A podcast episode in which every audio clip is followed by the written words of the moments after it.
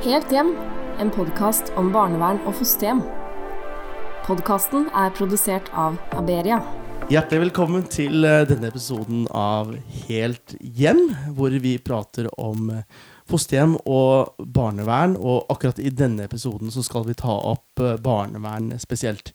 Jeg har fortsatt besøk av mine to eminente gjester. To gutter som har vært i hard både med- og motvind i livet, og som har mye å si om dette emnet. Først og fremst velkommen til deg, Marius Karlstrøm. Takk. Og så velkommen til deg, Freddy Bolle. Takk skal du ha.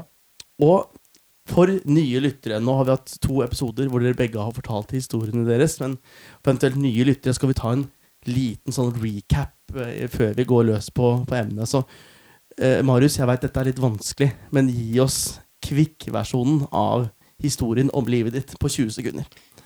Ja, den er at jeg er eh, født inn i barnevernet, eller med barnevernet som eh, eh, sikkerhetsnett. Og så har jeg opplevd ulike former for eh, eh, overgrep. Og så har jeg opplevd eh, en gammel tanke om å bryte ned og bygge opp mennesker. Og så har jeg møtt gode mennesker. Og så har jeg jobba i barnevernet i, i seks år, eller i barnevernsinstitusjoner. Og en del år med eh, rus og psykiske lidelser hos voksne. Det er vel eh, den veldig korte versjonen. Mm, og i dag så er du foredragsholder, og hva annet gjør du? Jeg studerer gestaltterapi, er fjerdeåret på Norsk Gestaltinstitutt. Mm. Det, det er det jeg driver med i dag, i tillegg, tillegg til at jeg er eh, relativt nybakt tvillingpappa. Det er ganske heftig CV. Klarer du å matche den CV-en, eh, Freddy? Jeg har ikke, ikke sjans. Nei. Nei, jeg heter da Freddy Bolle, jeg er 54 år og har vel vært i barnevernet i 25. Jobba der eh, på institusjoner med ungdom som er seksuelt misbrukt.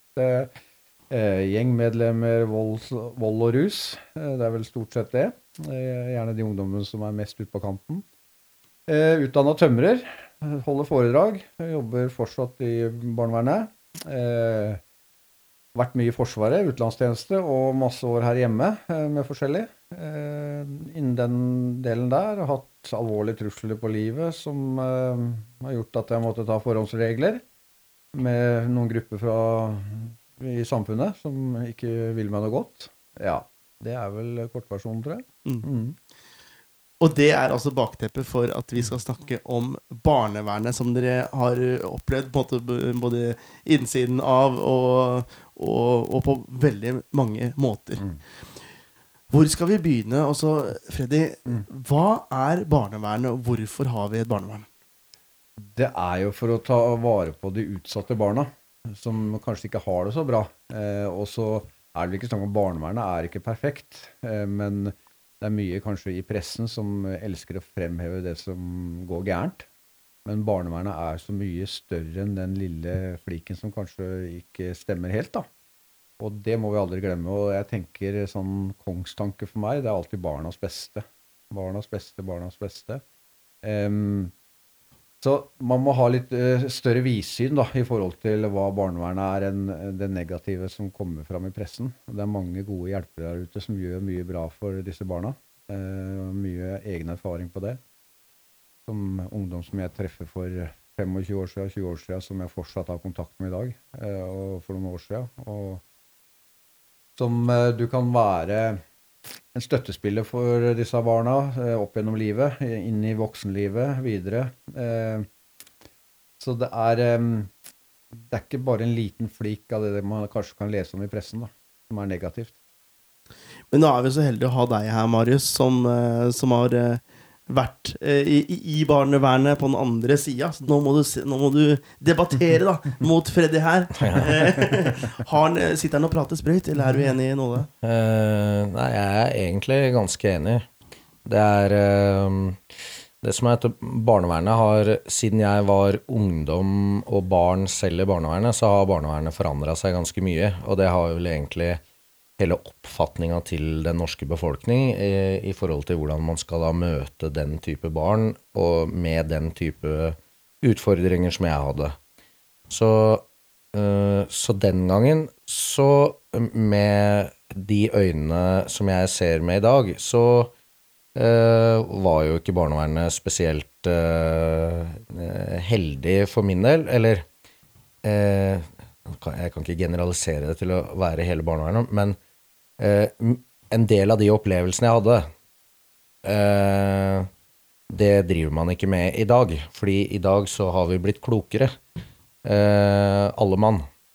Så det betyr jo at vi har et uh, veldig mye sterkere og mer robust barnevern som er uh, bedre til å håndtere uh, barn og unges utfordringer på en helt annen måte i dag enn det vi hadde da. Så samtidig så var også barnevernet veldig viktig for min del. Jeg, uten at Eh, jeg hadde blitt flytta fra hjemmet mitt når jeg var ett år. Eh, jeg tror ikke jeg hadde sittet her og snakka sånn som jeg gjør i dag, hvis jeg ikke hadde blitt flytta. Det tror jeg hadde gått uh, mye, mye verre enn det det gjorde. Så eh, utgangspunktet mitt er at eh, det er opp, et, det er jo ikke optimalt, eller var ikke optimalt for meg å være plassert bort fra mine foreldre, fordi jeg ønska jo veldig gjerne å ha en egen familie. Eh, så da kan man jo fort tenke at uansett hvor snille og gode og støttende og sånn alle de rundt er, så vil det oppleves litt gærent allikevel. Fordi utgangspunktet er gærent, hvis du skjønner hva jeg mener. Mm. Så øh, Men når det er sagt, så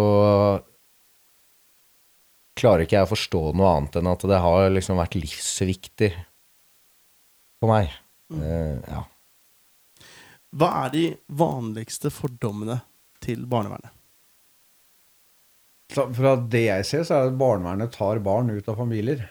Eh, og det, har sikkert gjort noen mistak der som jeg ikke skulle tatt ut, men det er det er gjerne mye faktorer vi ikke får fram også, da, at det er en grunn til det. Men nå, nå jobber ikke jeg eh, direkte med den type barn. Jeg, jo, jeg, jobber jo med ungdom som kommer til oss på, av en eller annen grunn. da, Enten vil sjøl eller med tvang pga. kriminalitet og sånne ting.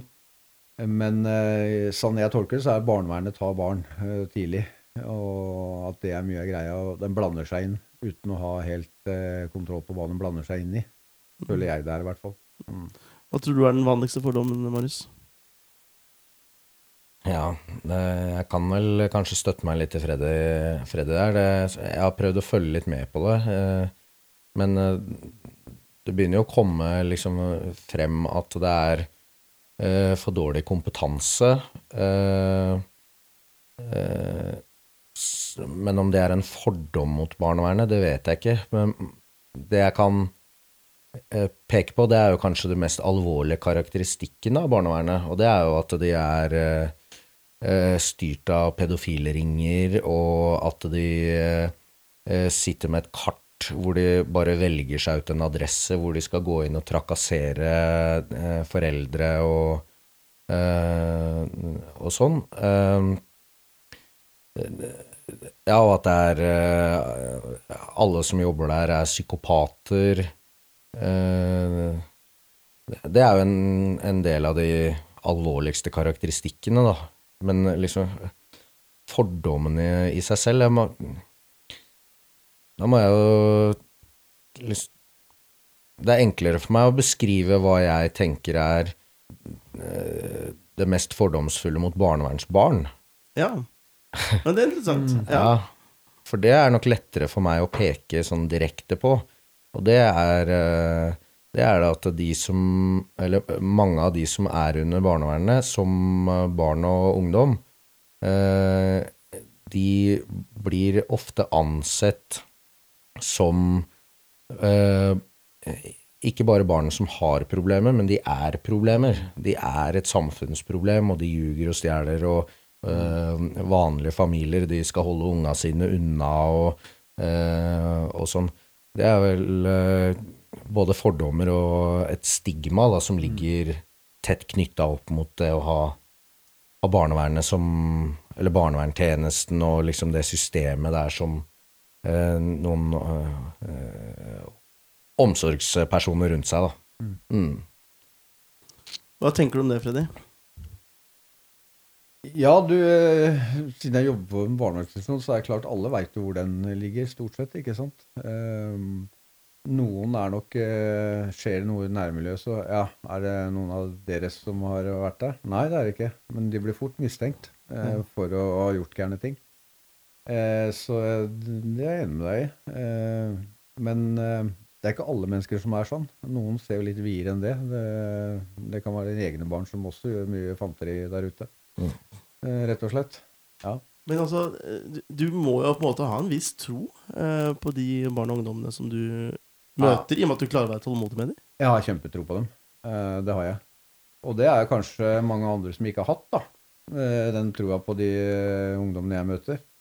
Men det er alltid et eller annet i et menneske du kan bygge videre på og, og, og, og finne den lille greia da, som du får at dem engasjerer seg i eget liv, da. Ikke bare er eh, ute med knyttneven og, og hånda 'stopp, ikke bland deg inn i meg', og ikke bry deg om hva jeg gjør, og jeg skal styre mitt eget liv, og, og sånne ting. Du finner alltid en eller annen inngangsport til det mennesket da, som du kan prøve å få hjelp av. Og det er viktig for oss som er med disse barna, at det, må vi aldri glemme. Vi må se etter den lille detaljen som vi kan hjelpe dem til å snu og gjøre noe mer positivt. Men for deg som måte, har dette som et, eh, som et, også som et yrke, altså, klarer du å, å si noe kritisk om barnevernet? Klarer du å si noe at her kunne du vært litt sterkere?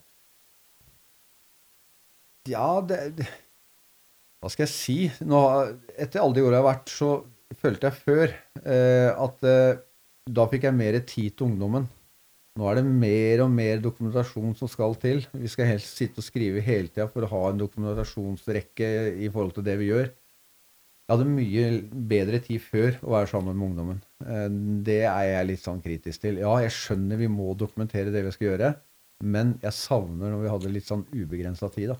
Nå blir det sånn løpe mellom eh, skrivemaskin og ungdommen nesten. Det kan også skape en sånn litt sånn kunstig greie når du er sammen med de ungdommene. da.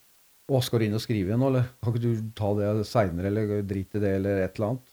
Ja, eh, det er jeg litt sånn kritisk til. Selv om jeg ser behovet at det må dokumenteres, det vi driver med. Det var jo litt det møtet og den tilstedeværelsen som var viktig for deg, Marius, når, når du møtte Freddy på Mm. institusjon. Mm.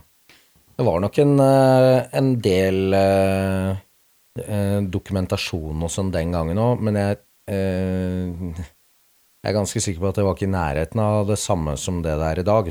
Jeg har jo jobba noen år selv i, i institusjonsbarnevernet, og, og eh, kjenner jo til at det er relativt mye liksom, administrativt arbeid som man skal gjøre i kombinasjon med å være til stede for ungdommen og, eh, og sånn.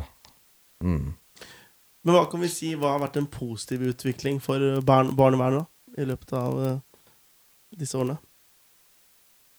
Nei, det er vel mye positivt. Litt eh, sånn opplevelsen Marius har hatt. Jeg tror ikke det er så mange har eh, de opplevelsene lenger enn nå. Det med litt sånn isolering og, og sånne type ting. Eh, det er eh, positivt. Eh, så, så det går jo i riktig retning alt sammen. Eh, det gjør det, selv om jeg er litt kritisk til all den dokumentasjonen hele tida. Eh, det er eh, voksne, engasjerte mennesker som er til stede for disse barna. Og, som ofrer mye for å prøve å hjelpe et annet menneske.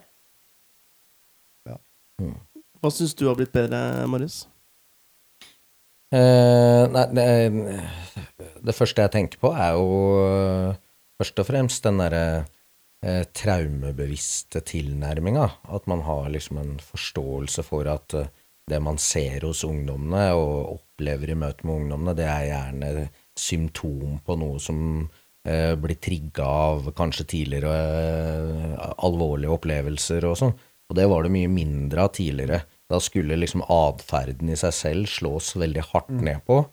Uh, uh, og så skulle man liksom bygges opp igjen. I dag så ser man, eller har man en økt forståelse for at det, det er faktisk noe som trigger det symptomtrykket, da. Eller trigger frem de symptomene. Uh, ja. Men når det er sagt, så Jeg tenkte på det i stad, husker jeg ikke helt hva du spurte om, men eh, noe som jeg syns barnevernet kanskje kunne ha blitt bedre på, det er at de er eh, eh, litt mer åpne. Eh, og da mener jeg at man eh, eh, Selv om mange blir fritatt fra eh, taushetsplikt og sånn i møte med fortvilte pårørende eller foreldre eller et eller annet sånt, at de faktisk i, kan gå inn og snakke om ulike saker og sånn når de eh, blir bedt om det. det.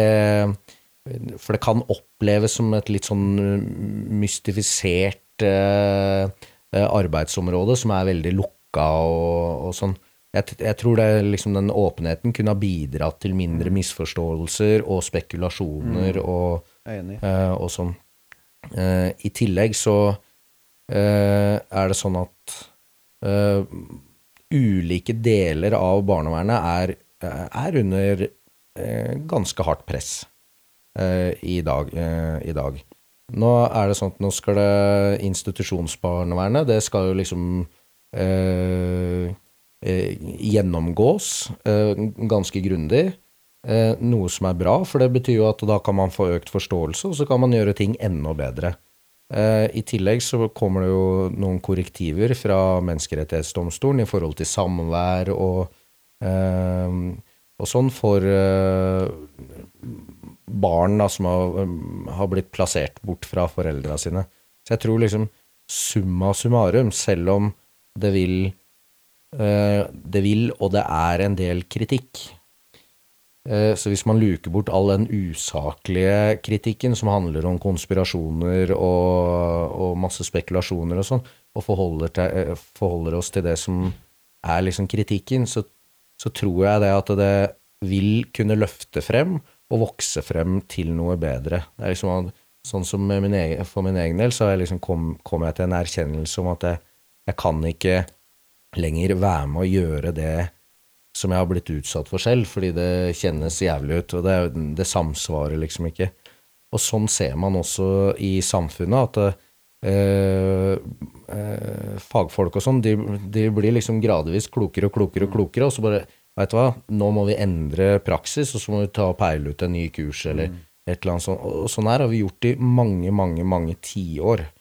Og, det, og vi kommer til å gjøre det i veldig lang tid fremover òg. Og det, jeg tror kanskje barnevern er det mest komplekse og eh, systemet eh, med flest mulig eh, eh, liksom variabler man må vektlegge uansett hva man skal foreta seg. Da. Det er, det er ekstremt komplekse avveininger og sånt som skal gjøres.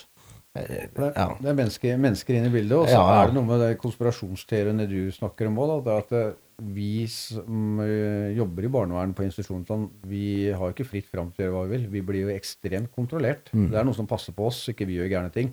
Så de fylkesmannen er inne, barnevernet, de følger med på oss og har kontrollmekanismer som ser at eh, vi kan ikke holde på sånn som du ble kanskje utsatt for. Mm. Det, det, er noen som overvåker dette her, så de konspirasjonsteoriene kan jo slås i hjel.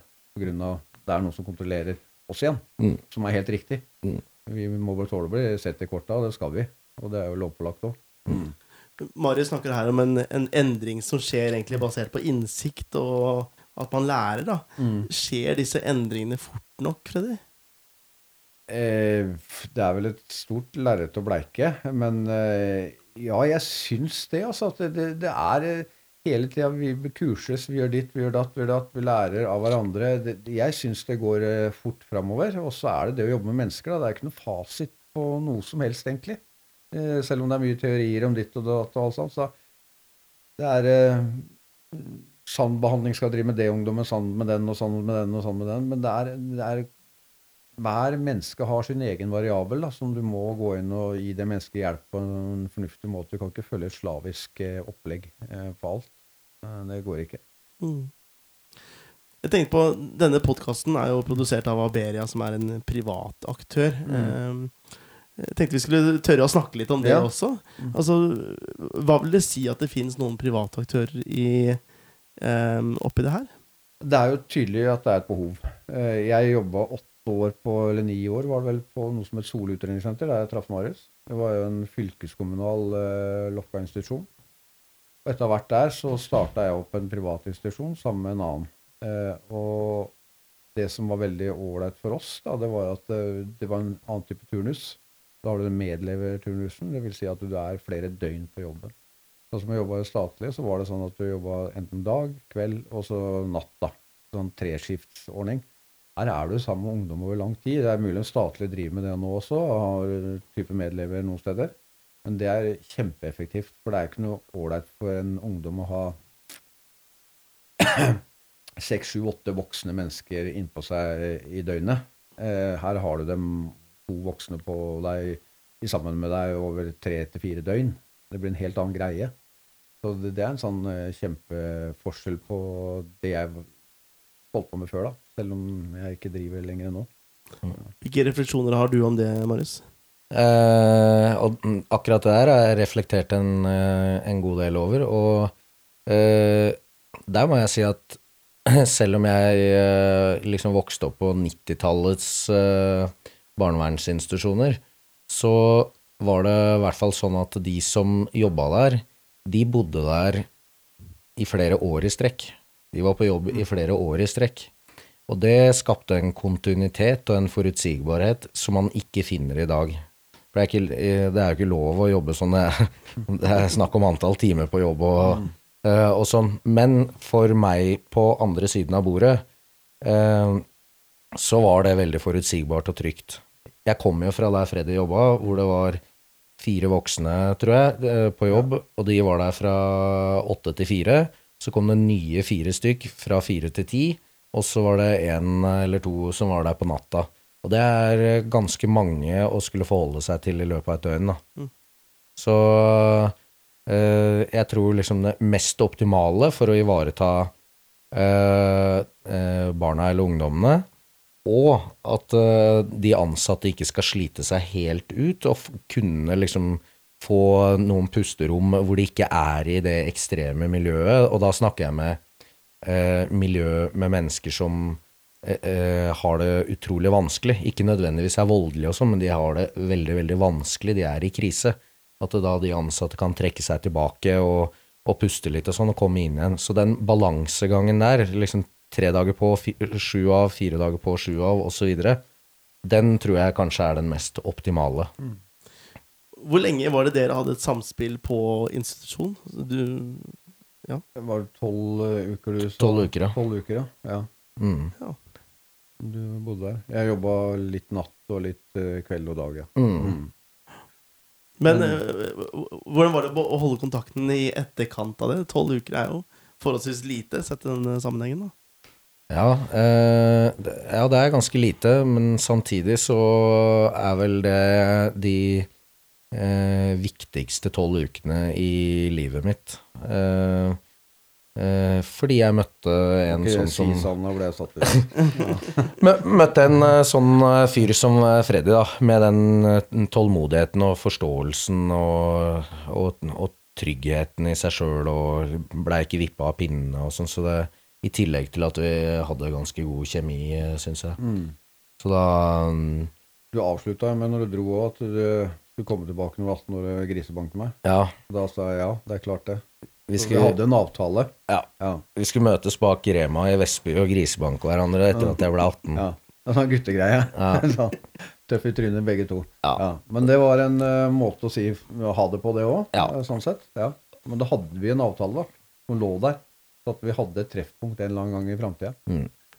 Sånn tolka jeg det, i hvert fall. Ja, og det, og det gjorde jeg jo, fordi det var jo når jeg da eh, Jeg hilste på deg en gang når det var En eller to ganger når det var i Ja, møte. en gang, en gang ja. ja. Når det var i det møtet. Og så så jeg deg ikke Snakka jeg ikke med deg før etter at jeg hadde flytta tilbake til Østlandet. Mm. Og da da tenkte jeg Da hadde jeg jo kjørt livet mitt uh, til helvete, og tenkte at ingen ville ha noe med meg å gjøre. Og da var det jo den avtalen med Freddy. Mm. Og da, så når jeg da ringte Freddy, så var det jo automatisk det jeg refererte til. Det var jo liksom for å finne inngangen til Mm. at vi kunne snakke sammen, da. Mm. Ja, ja, jeg husker godt det der. Ja. Men altså, de tolv ukene var jo litt sånn også um, Hva skal man si uh, Det var jo på institusjonen. Um, dette er jo litt sånn utenom manus, da, når han tar kontakt med deg Ja. utenom institusjonen. Ja, og det, det tenker jeg når du driver med dette som jeg gjør, da, så må du være åpen for det. For det er eh, Vi alle mennesker eh, trenger noen på en eller annen måte eh, videre i livet. Og jeg tenker at jeg kunne ikke ha latt være å tatt en telefon. Det er kjempeviktig. En som ringer meg. Og jeg visste ikke om han skulle si hei, eller hva han skulle, eller noen ting. Men det er også andre ungdommer som Jeg har jo en åpen linje. Ta kontakt med flere. Jeg har kontakt med Tanset. Mm. Og det er kjempeviktig. Mange av de ungdommene føler seg veldig mislykka, har kanskje ikke så mange familiemedlemmer. eh, vanskelig å snakke om ting med kanskje de nærmeste der de er. Så ha en litt sånn støttespiller på sida, det, det må du lage høyde for, tenker jeg, når du skal drive med dette her. Og det er kanskje i den forbindelse at du sier at dette er en, en livsstil. Ja, det er en, ja, det er en livsstil. Det er det faktisk. Og med det, med det mener du også at man eh, Du går ikke inn i en slags jobbmodus da, eller registrerer timer, eller Nei, nei, nei. nei, nei det går ikke. Nei, nei, det gjør ikke det. Så du, har- du har Og det- mange og- uoppgjorte timer med Ja, Marius. ja, ja. Jeg skal sende en regning. Jeg sender en faktura. Ja, ja. Ja, Nei, det, nei, og det gir jo meg noe, ikke sant? Eh, og det er jo som jeg sier, at eh, du blir jo ikke Du hører at uh, barnevern, du tjener så mye og bla, bla, bla, penger og sånne ting, men jeg greier å tjene penger til livets opphold, men eh, jeg tenker at jeg får, lønnen min eh, er vel egentlig den derre De møtene med Marius, da. De andre ungdommene jeg møter med, tar den kaffen, er i den barnedåpen, er på Facebook, snakker sammen, møtes, har treffpunkter. Det er vel noe av lønna. Eh, at du kan gi et annet menneske noe fornuftig videre, og det kan være en støttespiller. Og være en ressurs. Ja, det- viser vice versa, da, at jeg kan også få noe av dem.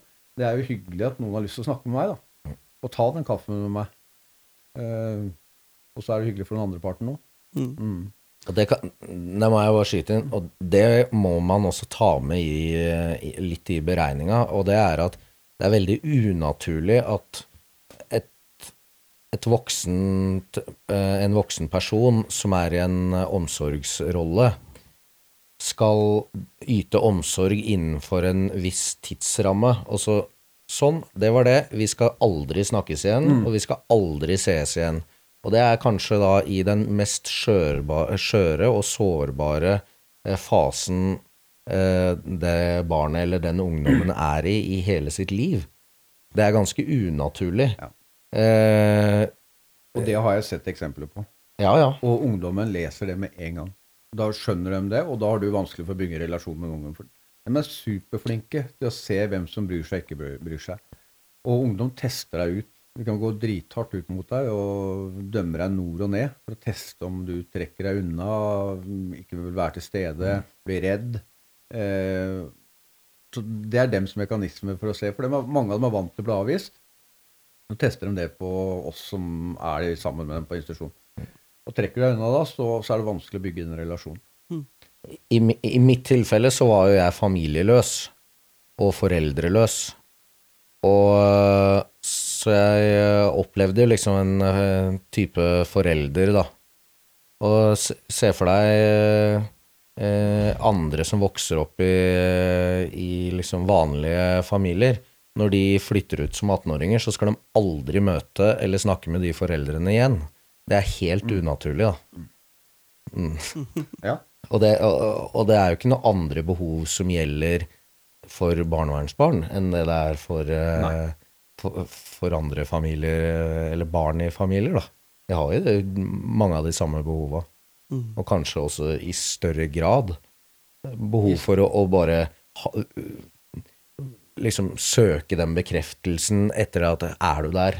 Ja. Vil du være der, liksom? Det, det er jo ikke så veldig mange andre barn som lurer på om foreldra sine vil være der. Det er, ligger, ligger liksom helt naturlig, da. Mm. ja. Jeg jeg har lyst til sånn avslutningsvis også til å snakke litt om dette med den kritikken som barnevernet har fått. Du, eh, Marius, du skrev jo et leserinnlegg som jeg leste angående at du mente den kritikken kunne nesten være litt farlig, eller i hvert fall eh, svekke da, eh, barnevernet på et vis. Kan du fortelle litt om de tankene der? Ja, det kan jeg gjøre. Eh, eh, for det første, eh, liksom En del av Eller det jeg, det jeg skrev, det er jo at støyen overskygger den legitime kritikken av barnevernet. Fordi det fins også deler av barnevernssystemet som, som det absolutt er legitimt å kriti kritisere. Men den støyen med drapstrusler og trusler med å halshugge barnevernsansatte og skal kidnappe barna deres og eh, kidnappe tilbake igjen sine egne barn og sånn, det er med å liksom overskygge en saklig barnevernsdebatt, da. Så det var det jeg mente der. I tillegg så tror jeg det at uh, når uh, uh, barnevernsansatte blir liksom generalisert til å være en del av en pedoring eller en, en del av et nettverk med bare psykopater og, og sadister og alt mulig sånn, så tror jeg det blir vanskeligere å få tak i de gode og kloke hodene til å skulle jobbe i barnevernet. da. At folk Eh, kvier seg, rett og slett, for å assosieres med barnevernet. Mm. Mm. Fordi de vil ikke utsette seg for eh, alt det som kan dukke opp i kjølvannet av det. Mm. Freddy, er du enig i at det kan være farlig med den type kritikk? Ja, det er det. ser jeg jo Når det har vært store presseting, så merker jeg det på jobben. At folk får med seg kritikken Eh, det er ikke alle som reklamerer så mye for at de kanskje gjør den jobben de gjør. da. Eh, ligger litt lavt i terrenget. Det er jo det er belastende å få sånne beskyldninger mot deg, og den stigmatiseringa som er, da. Eh, det er jo det samme som IS nå, ikke sant. Helvetes islam. Men islam er jo så mye større enn IS. Den generaliseringa du mm. snakker om der òg. Og folk må være litt um, mer litt videre syn da, på sånne ting. Ja, kritikk det skal man tåle, men uh, usakligheter og trusler og konspirasjonsteorier det bør folk holde seg for gode til. Det er et apparat som passer på oss som driver i den bransjen her. Mm. Jeg, jeg, tror ikke man engang skal definere mye av det som kommer mot barnevernet, som kritikk. Det er ikke engang kritikk. Det er uh, brønnpissing, og det er uh, trusler, og uh, det er trakassering av folk og sånn. Og det, det, ligger, sånn som jeg forstår det, ikke under definisjonen kritikk, da. Det er, no, det er noe helt annet enn kritikk. Mm. Mm. Og helt til slutt, hva sier dere om barn og ungdom som har vært involvert i barnevernet? Og til de som kanskje lytter til dette, og som har fordommer i forhold til de. Hva sier du om de barna? Ja, ja. Hva sier du om fordommene som eh, de eh, Det er mange som har fordommer til de som har vært i barnehage. Ja, sånn, ja. ja. Eh, slutt med det, ja. For at det er så mye flotte ungdom der ute. Alle har så mye gode egenskaper. Må bare finne dem og dyrke dem. Det er eh, Jeg har blitt rørt mange ganger av de ungdommene som jeg ble kjent med fra starten av og tenkt at uh, her har vi en lang vei å gå, så kommer vi i mål til slutt. Altså. Og det blir uh, Det er kjempeålreite mennesker. Veldig ålreite. Og det har vi et levende bevis på i stolen ved siden her. Ja. Takk for det. Ja. Sa jeg det? ja, jeg mener det. I eh, neste episode av denne podkasten skal vi snakke om det å skape et hjem. Og vi skal snakke om konflikter i hjemmet, og vi skal rett og slett snakke om hjemmebane. Så følg med i neste episode av Helt hjem, og takk for at dere var med, gutter. Takk, takk. takk. Helt hjem, en podkast om barnevern og fosterhjem. Podkasten er produsert av Aberia.